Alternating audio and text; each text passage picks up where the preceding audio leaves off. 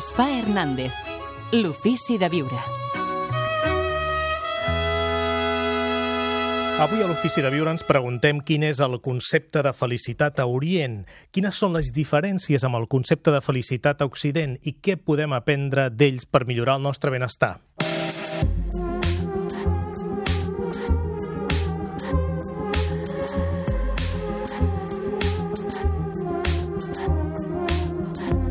Diu el doctor Miquel Masgrau, especialista en medicina xinesa, que a Orient cada cultura determina una manera de ser, de pensar i de viure.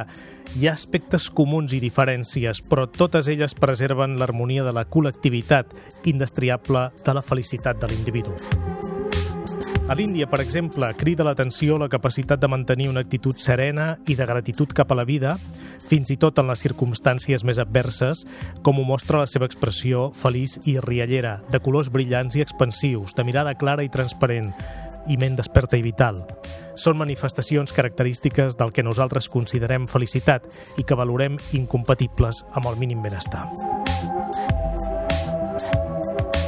Però és una felicitat que brolla, diu el doctor Masgrau, d'una font més enllà de les satisfaccions circumstancials i que no està subjecta als daltabaixos de la vida quotidiana.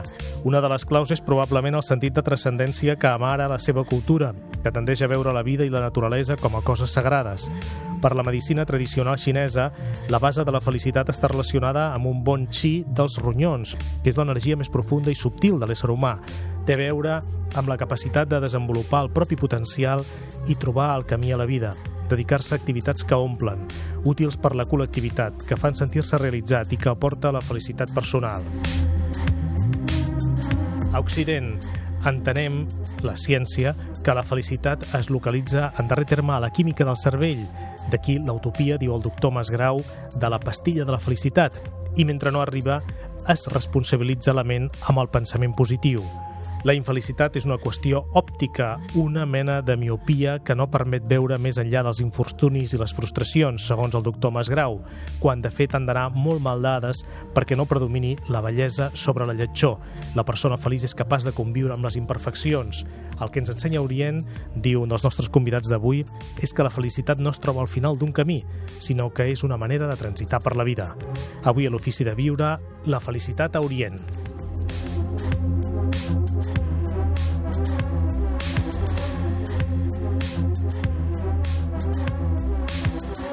Jean-Paul Sartre. La felicitat no és fer el que es vol, sinó voler el que es fa.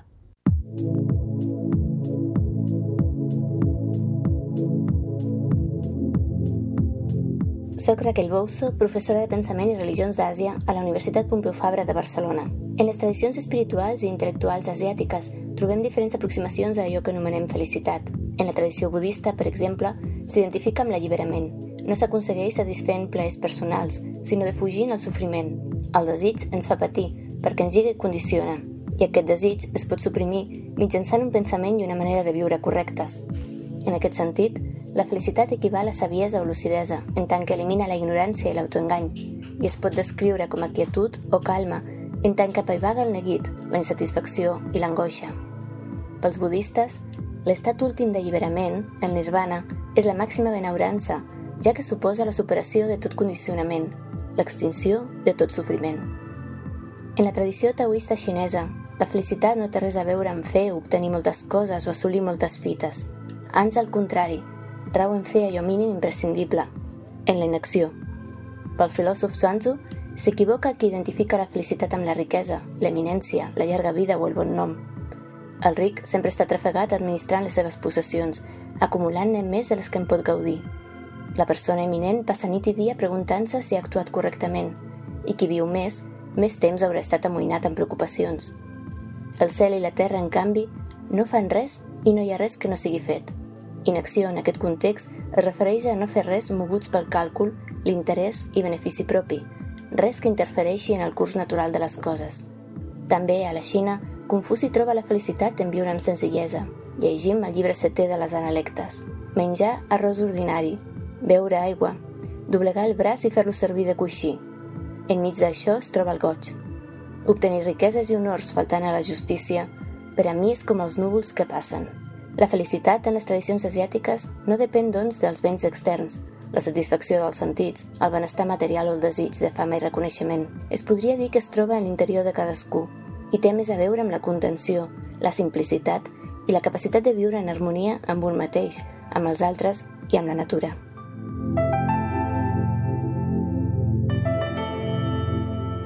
L'ofici de viure.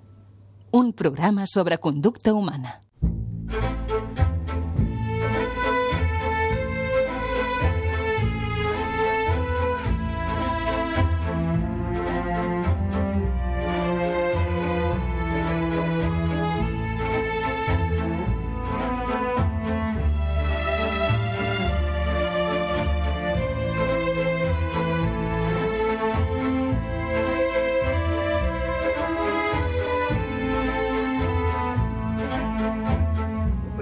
Avui a l'Ofici de Viure, la felicitat a Orient.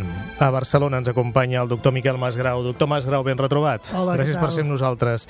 I als estudis de Catalunya Ràdio a Madrid, Francisco López Seivane, escriptor, viatger, autor de diversos llibres, entre els quals hi ha Cosas que aprendí de Oriente i Lugares Sagrados. Francisco López Seivane, gràcies per tornar a ser amb nosaltres. Què tal? Bona Benvingut. Bona tarda, gràcies. Muchas gracias i gràcies també als companys de Catalunya Ràdio Madrid per fer possible aquesta connexió. Francisco, eh, vostè va aprendre coses d'Orient. Què va aprendre de la felicitat a Orient al llarg dels anys? Com es podria resumir? Bueno, hay dos, creo que lo que más nos separa a los occidentales de los orientales es nuestra manera de entender y sobre todo de buscar la felicidad. Esa es la esencia. Eh, eh, en Oriente hay una manera de buscarla y en Occidente hay otra que consiste básicamente en tratar de satisfacer los deseos. Los occidentales creemos que cuantos más deseos satisfa satisfagamos, más felices seremos y todo nuestro empeño está en comprar, en adquirir, en tomar, en conquistar aquellos deseos que nos acucian. Y en Oriente, por el contrario, eh, bien, Buda lo deja bien claro, la causa del dolor son los deseos insatisfechos. ¿no? Entonces lo que busca el oriental para llegar a la felicidad es desear cada vez menos hasta que finalmente no hay deseos y bien pensado no hay mejor definición de la felicidad que aquel estado en el que no deseas nada, porque quiere decir que lo tienes todo.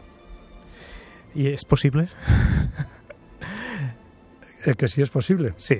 Bueno, diremos que vale la pena intentarlo. Yo, que he nacido en Occidente y en un momento de mi vida encontré la vía oriental, eh, no tengo la menor duda de que es la buena la vía oriental. En Occidente nos hemos convertido en coleccionistas de posesiones inútiles.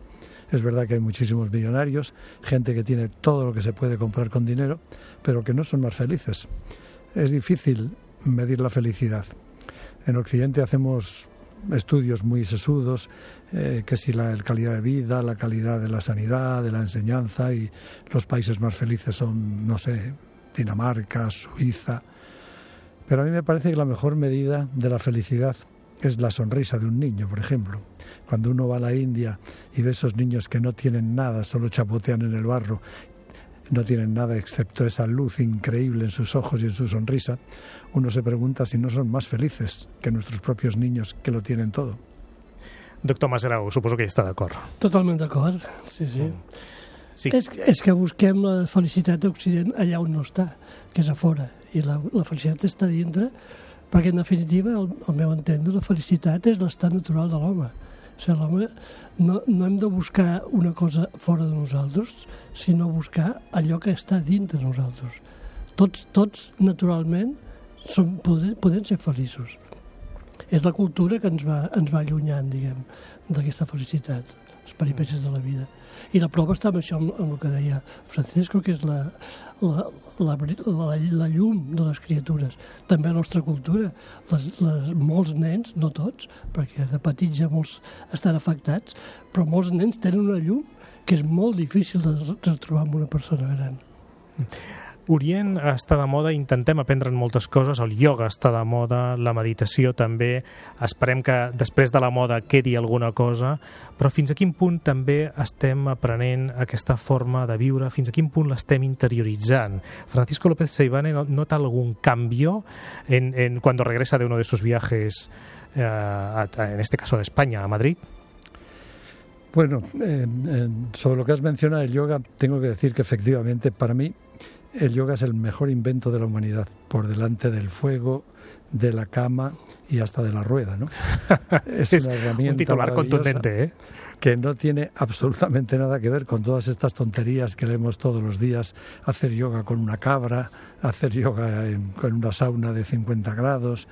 Todos esos son productos de consumo que es el defecto que tiene Occidente, que cualquier cosa que le llega enseguida lo transforma en marketing en un producto de consumo y pierde su esencia. El yoga llegó con una fuerza tremenda ah, en el siglo pasado y cuajó muy bien y hizo una gran labor, sobre todo en Estados Unidos, pero también en Europa y luego se ha extendido por el resto.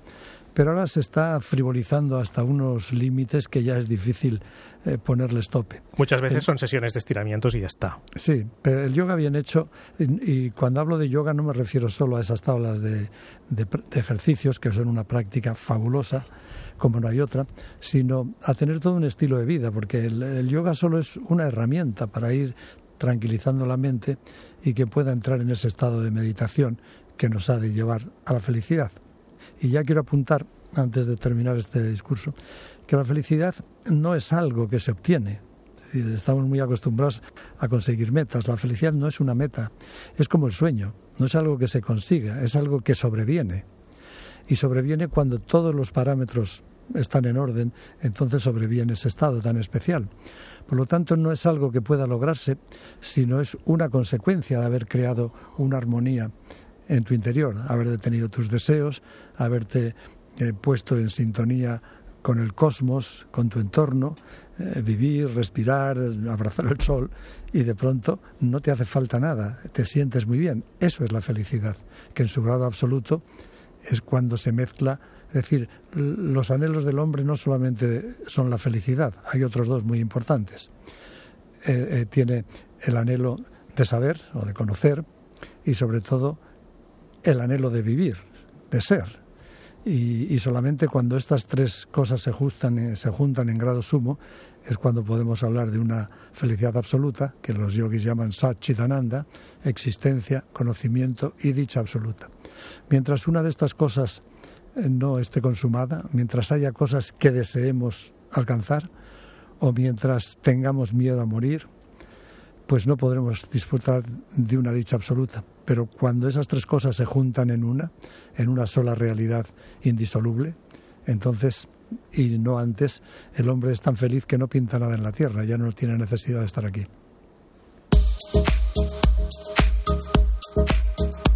Jean-Paul Sartre la felicitat no es vol, sinó voler el que es. Diu el doctor Masgrau, el que podem aprendre d'Orient és la importància de la serenitat i la calma mental, d'alliberar la ment d'emocions pertorbadores. Queda clar que aquestes societats on són excepcionals, l'odi, la rancúnia, l'enveja i la por faciliten una existència feliç. El que realment importa no és tant el que passa a la vida, sinó el que passa al cor. I tot el que ens estava explicant eh, doctor Masgrau, Francisco López Seivane, té repercussions també en la nostra salut. Evidentment, clar.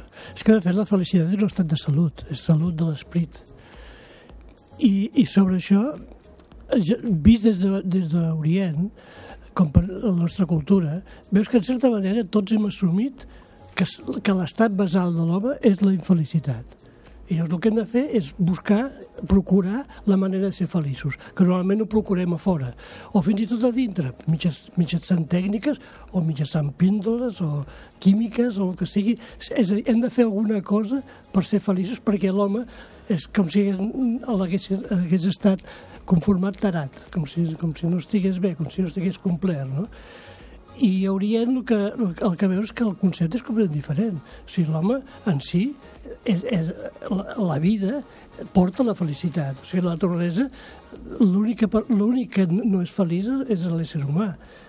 Tot, la, la naturalesa és, és felicitat. I, i el, el que hem de fer és eliminar traves, que es pot dir el desig, evident desig, és, és, a dir, aquesta tensió cap en fora, aquest, aquesta bolcasa cap en fora, és, és el germen de la, de la infelicitat. I al canvi estem tots ficats en un medi que sembla que si no aconseguim i acumulem coses de fora, i a més sempre responsabilitzem el nostre mal de, de coses externes, no? de disgustos que has passat, al passar moltes vegades, o, o d'expectatives de, que no es compleixen. No? Quan no és això, no és això, és simplement retrobar la teva pròpia essència, la, el teu propi ésser. Això és ser feliç, perquè l'ésser en si és, és plenitud. En ese sentido, una de las lecciones también de Oriente, Francisco López Seibane, es la conexión con el momento presente, ahora también de moda, y valga la redundancia, con el mindfulness. Bueno, el mindfulness es un feliz hallazgo de un traductor americano para traducir un concepto budista que es la plena conciencia, que a su vez está tomado de un concepto hindú mucho más antiguo que se llama pratyahara en, la escala del yoga, que es la abstracción de los sentidos de los objetos. Hay que decir, para entender esto, que el budismo, como el cristianismo, no son religiones per se.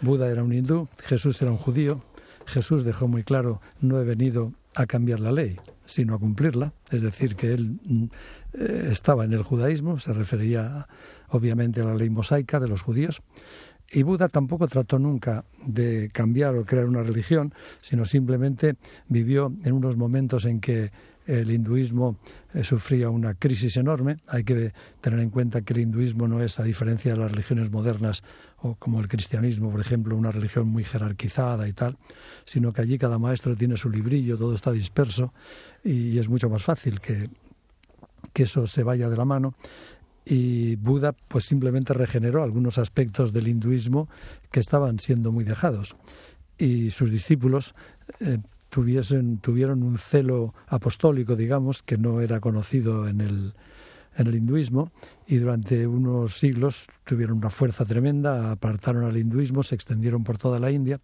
pero después ellos mismos se dividieron y se dividieron en sectas y su celo apostólico los llevó a otros países y quedó en la India apenas quedan rastros del budismo, eso hoy día no existe.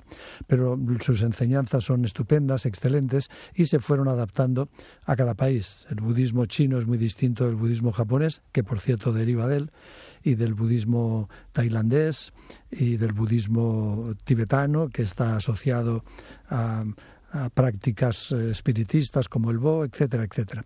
Pero en realidad no hay absolutamente nada en el budismo que que renueve o que diga algo distinto al hinduismo. Por eso quien conozca el yoga y la filosofía vedanta, pues entiende perfectamente todos los principios del budismo sin, sin ningún problema.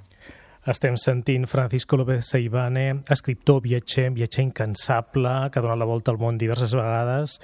Amb Francisco López Seibane, la, la pregunta que li voldríem fer és fins a quin punt, al fil del que està comentant ara mateix, els ensenyaments de Jesús estan influïts per una visió de la vida que, que tindria molt de, també de budista, no? O sigui, moltes vegades escoltem el missatge de, de Jesús i ens fa l'efecte que estem sentint un budista. Por supuesto, vamos, eso es tan obvio que, que Jesús, hay 18 años en la vida de Jesús, desde los 12 que, que se sabe que estuvo en un templo hablando con o preguntando a los rabinos, hasta los 30 en que aparece en el desierto de Judea, que no se sabe nada de él. Y la Iglesia parece que no tiene el menor interés en averiguarlo. ¿no? Pero claro, son unos años importantísimos para la formación de una persona. ¿Dónde aprendió todo lo que sabía? ¿Quién lo formó? ¿Quién fue su preceptor? No lo sabemos, históricamente no ha quedado rastro, o si lo hay está guardado en algún sitio, pero lo que sí podemos ver son las enseñanzas de Jesús. Es verdad por lo que acabo de decir, que en la época en que Jesús se supone que estuvo en Oriente, lo que predominaba entonces en la India era el budismo. Y es natural que él aprendiese muchas cosas budismas, budistas y luego las trajese. La compasión la convirtió en amor, etc. Pero también aprendió muchas cosas del Vedanta más profundo. Hay una frase que, que lo revela meridianamente y, que, para los judíos fue una blasfemia que terminó llevándole a la cruz, cuando dijo, mi padre y yo somos uno. Eso es lo que dice los Upanishads, Aham Brahmashmi, yo soy Brahman. No hay diferencia entre Dios y la esencia del hombre. Eh, lo que llaman la realización no es otra cosa nada más que dejar que esta esencia que alienta en cada una de las criaturas se funda con el, con el ser y es como una gota de agua que se funde en el océano. Nunca hemos dejado de ser otra cosa. Esto lo, lo dice Jesús, mi Padre y yo somos uno, el, rey de los, el reino de los cielos está dentro de ti. Eh, es evidente. Luego viene ayunando, una práctica que no tiene nada que ver con el judaísmo. Viene haciendo milagros, curando a los enfermos, que eso es lo que hacían los yogis y los grandes gurus. En fin, es evidente la influencia de Oriente, pero él no quiso entrar en conflicto con, con el judaísmo establecido y ahí salió este híbrido que es el cristianismo, pero que tampoco se parece nada a las enseñanzas de Jesús, porque fue ahormado por Constantino en Roma en el siglo IV, como todo el mundo sabe. En fin, punto.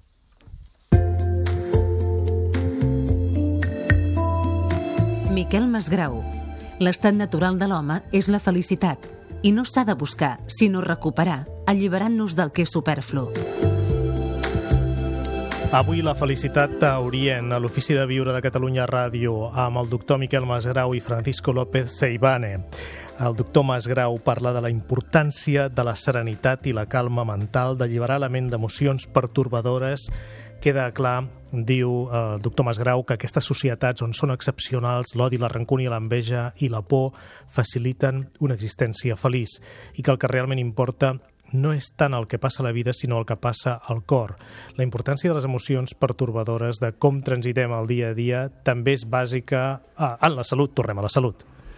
Clar, clar és que és, és, és la base, o sigui, simplement és, si arriba la felicitat a base de, de sobretot de, de sortir d'aquesta confusió entre plaer i, i felicitat. Saps? Sembla que la, que la felicitat s'hagi de, de consumir, d'aconseguir eh, satisfer molts plaers. I no és veritat, o sigui, el plaer és, és, és una resposta biològica el, el compliment, el, el, la satisfacció d'una necessitat. Però eh, quan, quan, quan això s'acompleix en ve una altra i en ve una altra, és a dir, és una cosa que no té fi, mentre que el, la, la felicitat és, és precisament el camí invers, no? que és el trobar aquesta pau interior al qual tu no necessites res, perquè ja estàs ple, perquè ja ho tens tot.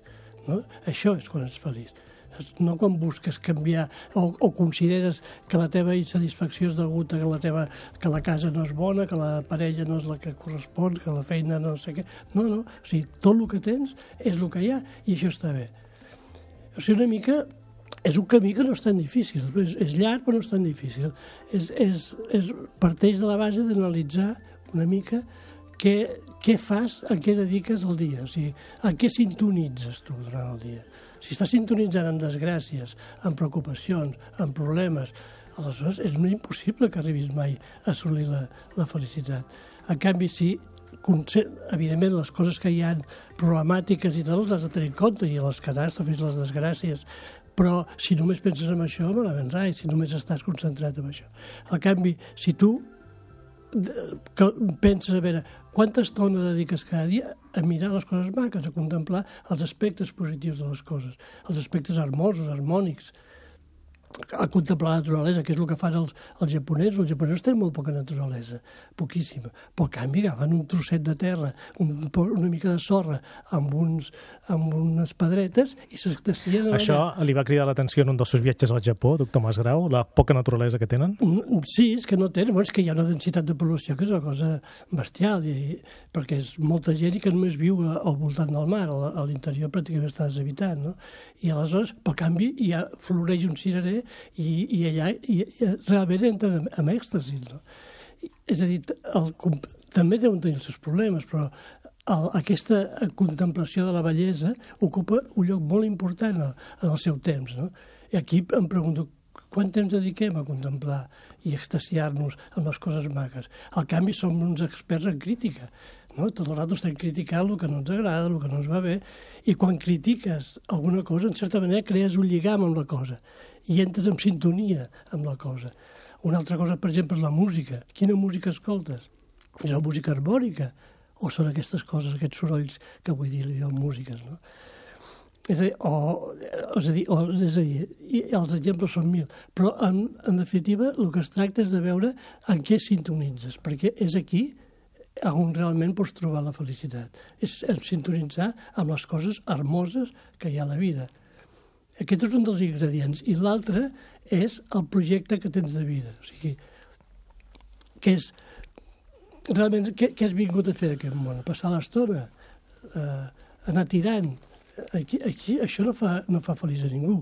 Saps? És, és realment tenir un projecte, una cosa que et, que et satisfà, una cosa que, que la qual tu ets molt bo fent-la que, que són molt variades i que, que pot tenir més o menys reconeixement, però que és útil pels altres també, sigui perquè crea bellesa, sigui perquè crea utilitat, perquè fa servei. I fer això i fer-ho bé i concentrat en això és un dels ingredients de la, de la felicitat. Diu també el doctor Masgrau que al Japó el centre no està en l'individu sinó en el col·lectiu fins al punt que la felicitat individual ni tan sols existeix com a tal i que tot l'esforç se centra a mantenir el bon funcionament del grup que retorna en forma de benestar individual. Clar, és que és això, és que és procurant pel medi, és, és mirant el que, el que surt cap en fora que, és, que, que retorna la felicitat. Mm. No, no, no és no és desconnectant, al contrari. O sigui, l'ingredient, un dels ingredients fonamentals de la felicitat és tenir relacions harmòniques amb el medi.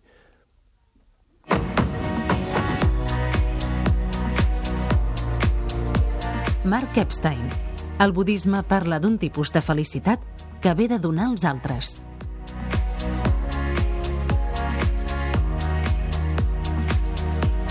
Francisco López Seivane ha escrit que en tornar de la meditació les coses es contemplen com alguna cosa aliena amb la qual no hi ha vinculació.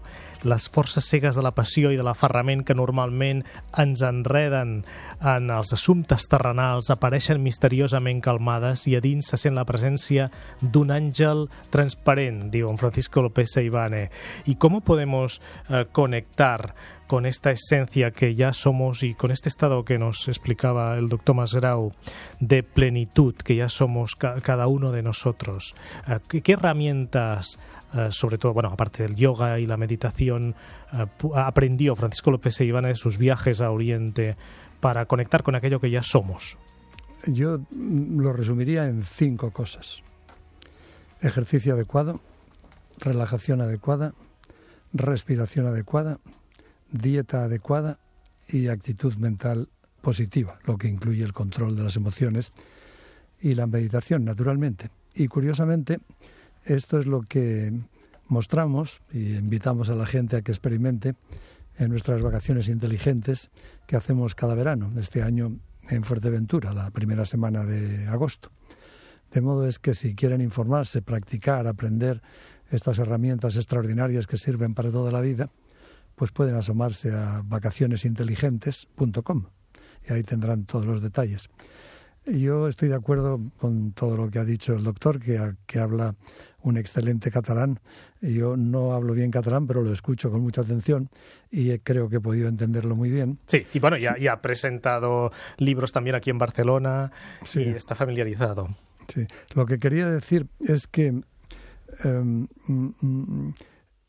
la, la, lo que podríamos llamar el concepto de salud no tiene nada que ver con lo que se entiende hoy por salud y desde luego no es un patrimonio de la medicina.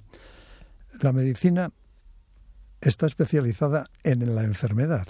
La salud no es un negocio.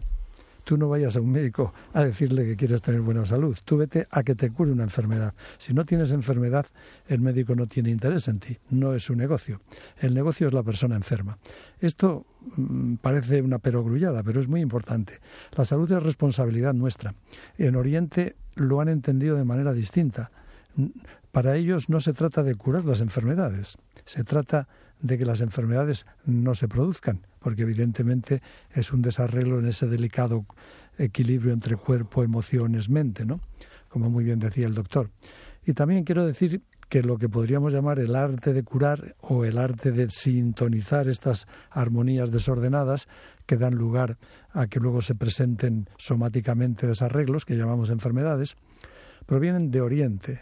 Fue eh, Alejandro. Alejandro, Alejandro el, el, gran Alejandro el Conquistador tuvo una importancia extraordinaria en la historia, no solamente por sus conquistas, sino porque él se preocupaba de traer toda la sabiduría de los terrenos conquistados. Y cuando atravesó el Indo, que hoy es Pakistán, pero entonces era la India, se encontró aquellos yogis, se encontró aquella sabiduría, se encontró aquellos manuscritos, los trajo encarretadas y para eso construyeron la biblioteca de Alejandría. Y los sabios griegos iban allí se pasaban años enteros eh, traduciendo entendiendo y toda la sabiduría griega tanto la filosófica como la medicina de Hipócrates y todo tiene su base en la medicina eh, india que junto con la china eh, otra otra fuente pues han sido las más antiguas y siguen, siguen, con plena vigencia, como la medicina ayurveda, que trata de regular todo el flujo emocional, las energías sutiles y todo eso para que el cuerpo funcione bien. Pero esto sería un tema muy largo y seguramente el doctor sabría más. Yo me limito a invitar a los oyentes que quieran a que vengan este verano a vacacionesinteligentes.com y haremos lo que podamos en charlitas diarias de este tipo y tertulias para que todo el mundo intervenga, pero hablar de estos temas tan importantes como la salud, la felicidad y, y todo eso que nos ocupa hoy aquí. El doctor Masgrau, efectivament, ja portem com 10 anys a l'ofici de viure amb el doctor Masgrau sí. parlant de salut segons la medicina tradicional xinesa. Recordem que el doctor Masgrau no recepta medicaments eh, gairebé mai. Gairebé I mai. gairebé mai, algunes vegades. I és a dir, només quan fan falta, que és gairebé mai. I que és acupuntor.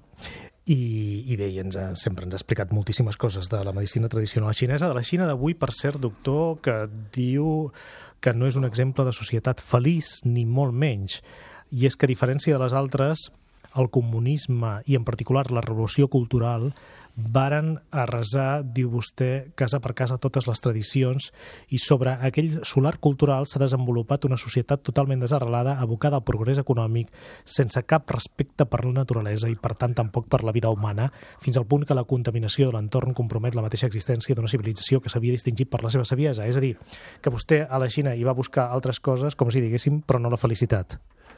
No, no, ja quan, bueno, quan, la, quan hi vaig ser una temporada llarga era quan, este, quan estava el solar, digue, quan no, no hi havia res, quan havien demolit totes les tradicions, totes les...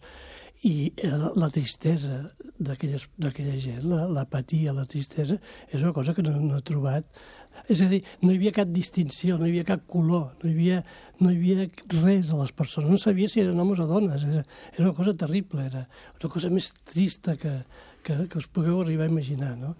I sobre allà, sobre, sobre aquesta anul·lació total de les tradicions d'una cultura tan forta com la xinesa, s'han sortit aquests gratacels i aquesta, aquesta bestiesa que ara contaminada que no deixen ni respirar. No? Mm, llavors no era feliç, però no crec que ara ho siguin gaire més avui tindrà la felicitat que, ten, que occidental, diguem. El que té molt, el que pot casar-se, el que pot tenir un cotxe, el que doncs aquest se, se sent més feliç. Però de totes maneres, quan mires en conjunt de la societat, veus que realment és, és més feliç les persones que tenen... És més fàcil ser feliç les persones que tenen poc, diguem, que els que tenen molt. No? Evidentment, el, el, la, la carència absoluta, la misèria, el no poder satisfer les necessitats bàsiques és, és terrible, això és incompatible amb la felicitat i amb, i amb la vida. Però l'accés també ho és. L'accés també et, et situa en una, en una òrbita que, que, que no crea felicitat, crea molts problemes, problemes fins i tot psicològics, no?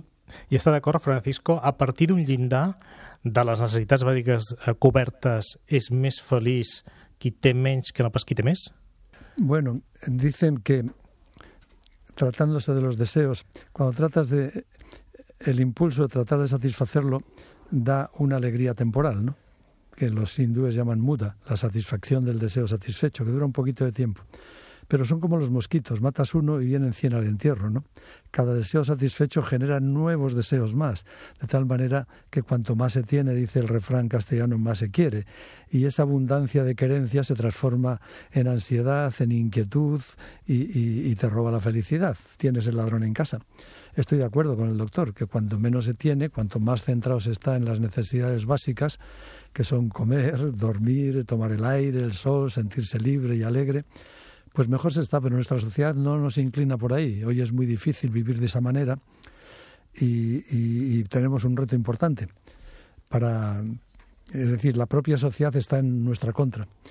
Yo no sé lo que opinará el doctor, pero yo soy de los que, siendo una persona positiva 100% en todos los aspectos, sin embargo, soy bastante pesimista sobre el futuro de la humanidad como especie. Creo que tenemos un camino muy malo, que estamos adquiriendo una velocidad peligrosa en una mala dirección y peligra no solo la felicidad, sino hasta la existencia de la propia humanidad. Doctor Masgrau. Realmente lo digo. ¿eh? Sí, sí, yo también lo comparto. Comparto la, pero esto yo creo que si lo seguimos por este camino no vamos a hacer felices a muchas a muchas a mucha audiencia digamos sobre todo que uno de, los problemas que tenemos hoy en día en nuestra cultura es que tenemos la obligación de ser felices hay una presión para ser feliz es que si no es feliz es porque no porque eres tonto vamos a ver hay, y esta misma presión nos aleja de la, de la felicidad el, el, pensamiento positivo muchas veces atribuye a cada uno, responsabiliza a cada uno de su propia felicidad. Y no es tan fácil. O sea, el pensamiento positivo evidentemente ayuda, pero muchas veces lo que hace es poner una presión que, que el que fa és, és, és dificultar-ho més, saps? O sigui, no hauríem de pressionar-nos tant no, I a, no. més, a més el concepte aquest de felicitat, clar, també és molt abstracte, cadascú llavors s'exigeix sí, massa. Sí, perquè és un estat de plenitud, que és un estat de plenitud que ve de l'interior del, del, del, del cos, de, de, de l'organisme. I aleshores això depèn molt de l'energia. En medicina xinesa això està molt clar, que, és, que ho tenen molt ben estudiat. L'energia al ronyó, les, les bateries, diguem, de l'energia, que estiguin plenes, i després el cor, sobretot el cor, no? Tenir un, un cor harmònic i la qual cosa es manifesta amb la cara i és el que dèiem al començament del programa, amb el somriure. O sigui, el, el, és curiosa la, la, la diferència de somriures que hi ha en les diferents cultures.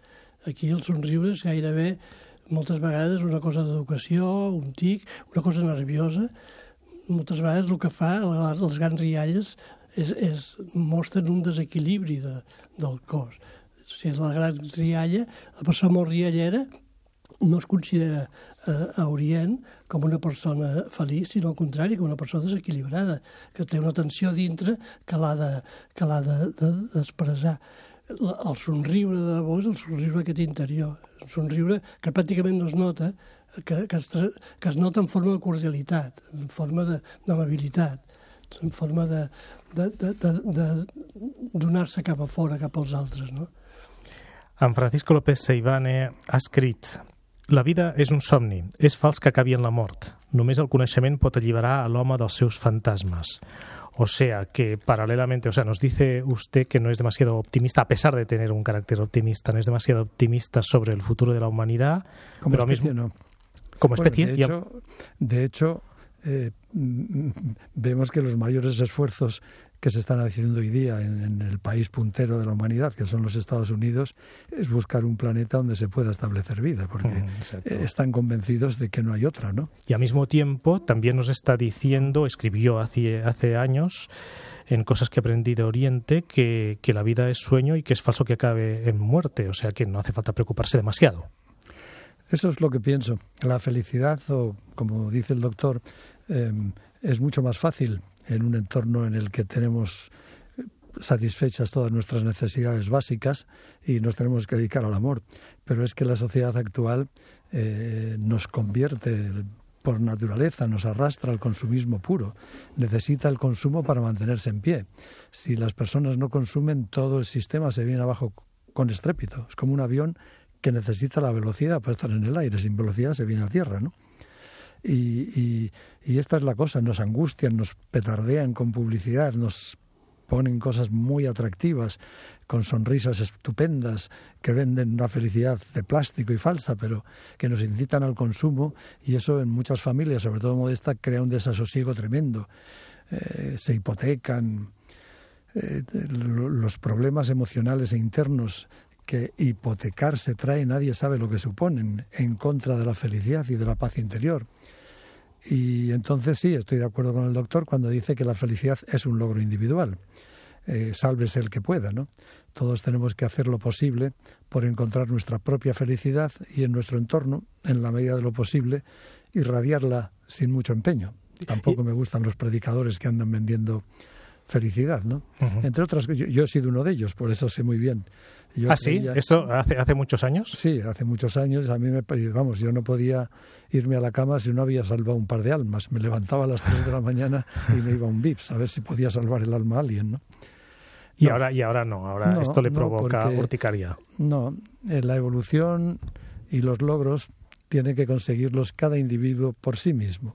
El prestar tu energía a otra persona es malgastarla, porque claro, se acostumbra a una cosa fácil que tú le das y no pone el empeño que le hará fuerte. No, no, eso es un error. Cada uno debe labrarse su propia felicidad, su propia vida y obtener el resultado de sus esfuerzos. Pero eso de tratar de ayudar a otros con un voluntarismo excesivo, no hay que el consejo hay que dárselo a quien te lo pide y la mano hay que dársela a quien te la pide con angustia, pero no ir por la calle dando la mano y los consejos a diestro y siniestro, eso es un poco pretencioso, ¿no? Por eso nosotros ponemos difícil en las vacaciones inteligentes llegar allá, ¿no? Ahora, en los que llegan entendemos que son personas que buscan algo y entonces charlamos. No es que les demos eh, conferencias en cátedra, sino que charlamos, todo el mundo interviene, da sus opiniones, no es una cosa doctoral ni mucho menos, es muy humana y muy próxima.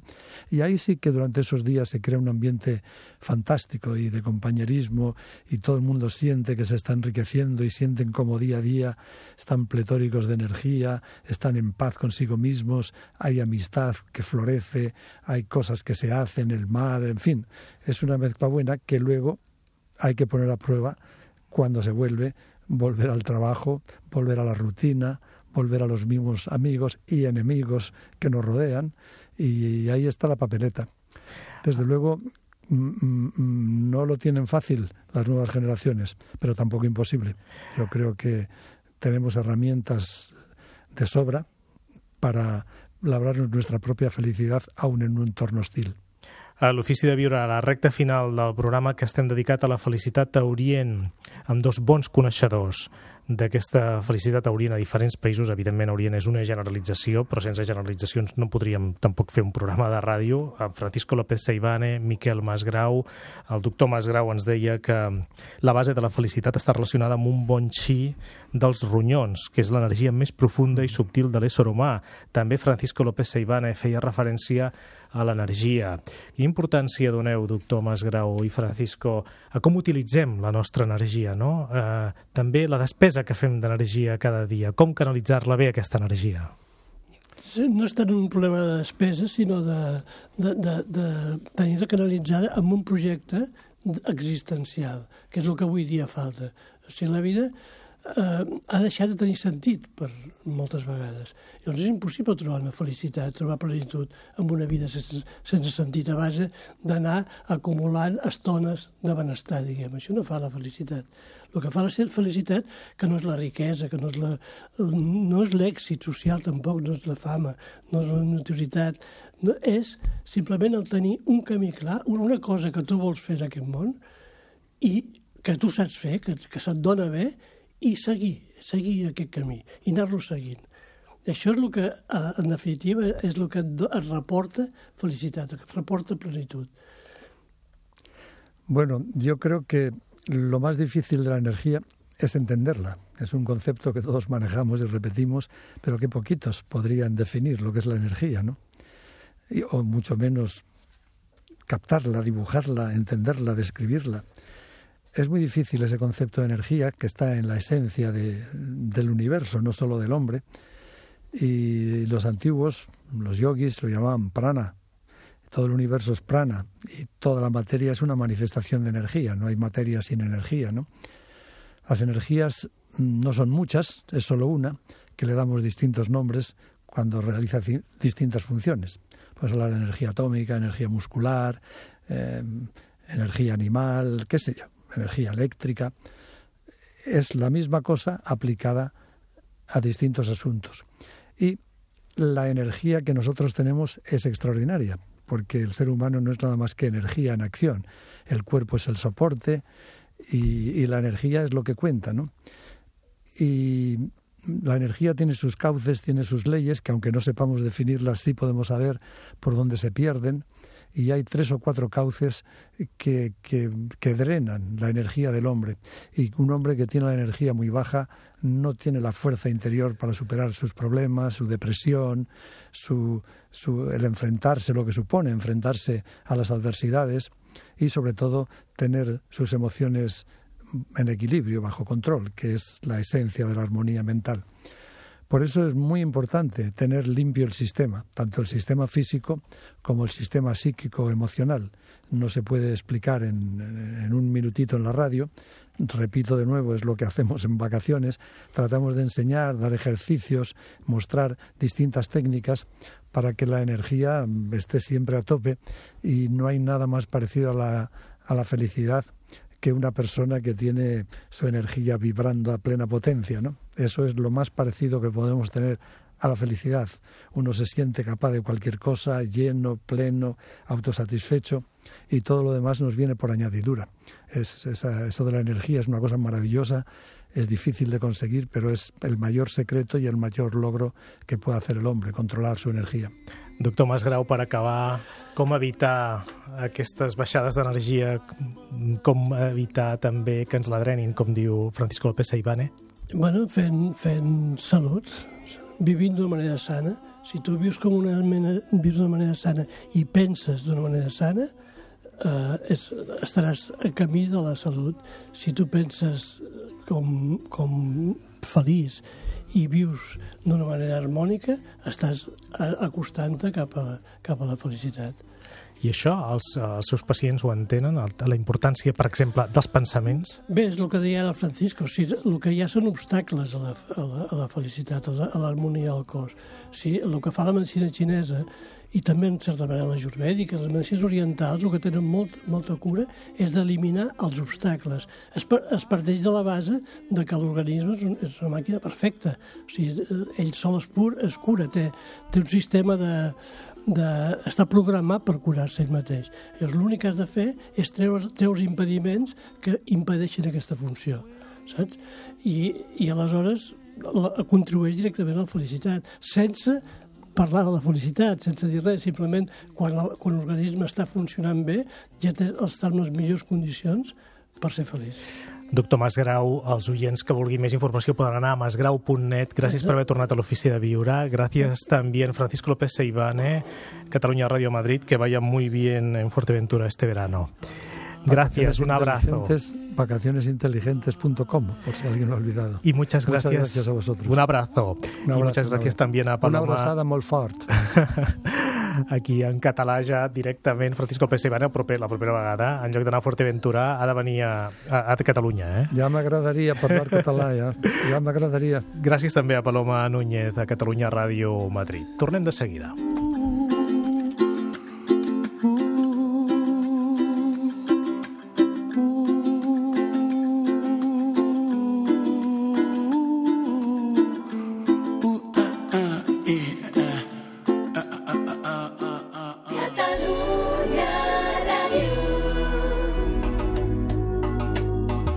L'ofici de viure. Un programa sobre conducta humana. Sergi Torres.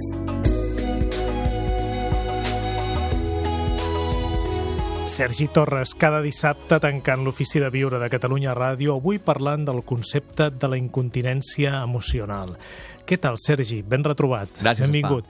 Què entens per incontinència emocional?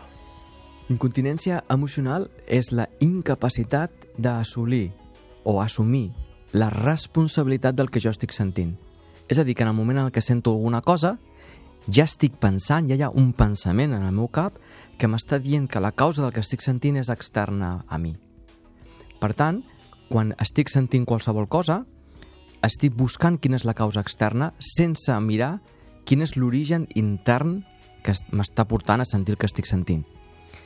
Per exemple, en una xerrada, fa un temps, vaig posar una imatge d'un nen que tenia dos anys i vaig demanar als assistents que observessin què sentien quan veien aquella imatge i que em diguessin que, quin era aquest sentiment. Doncs era un sentiment agradable, de que mono que és, de, de, de tendre, eh, innocent... Bueno, eren unes emocions, sentiments de benvinguda, es, es, es donava la benvinguda en aquella imatge. Havia una acceptació. Quan vam posar la imatge d'aquell nen crescut en edat adulta, que era Adolf Hitler, els sentiments van canviar de forma oposada. Aleshores, el que volia mostrar amb això és fins a quin punt nosaltres no ens estem fent responsables del que sentim. És a dir, que estem responsabilitzant allò que hi ha a fora del que nosaltres estem sentint a cada moment. Amb això no estic justificant en cap moment el que Adolf Hitler eh, significa, sinó la, la nostra incontinència emocional. Què vol dir?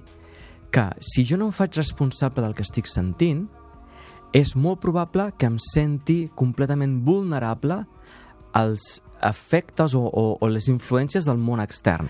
Però moltes vegades, Sergi, som eh, vulnerables al món extern perquè és alguna cosa del de fora que ha causat el nostre estat d'ànim. O sigui, és com una mica inevitable, això. Així és com ho vivim. Però quan comencem a seure dins nostre, veiem que el que passa a fora no té per què eh, amenaçar la nostra pau interior. Sobretot, quan tu estàs acceptant i assumint el que estàs sentint. Per exemple, si jo assumeixo el que sento quan veig la imatge d'un dictador, si jo ho assumeixo, ja no necessito culpar-lo a ell del que jo estic sentint. Si jo assumeixo el que estic sentint, ja no necessito culpar la meva parella del que jo estic sentint, ni culpar a la, a, a, a, a la societat del que jo estic vivint. És a dir, que jo em poso, em poso en peus dins la meva experiència humana, em faig responsable de la meva experiència humana. I, de fet, assolir la responsabilitat del que jo estic sentint i del que jo estic vivint és el primer pas indispensable per a un despertar espiritual, per a, per a un, es, un despertar intern. És important, és bàsic, que aprenguem a fer-nos responsables de la nostra pròpia existència com a éssers humans. D'aquí l'expressió incontinència emocional. Molt bé. Espero que tinguem ocasió de continuar-la parlant altres dissabtes. Moltes gràcies, Sergi. Gràcies, Gaspar. Als oients també, moltes gràcies. Una abraçada.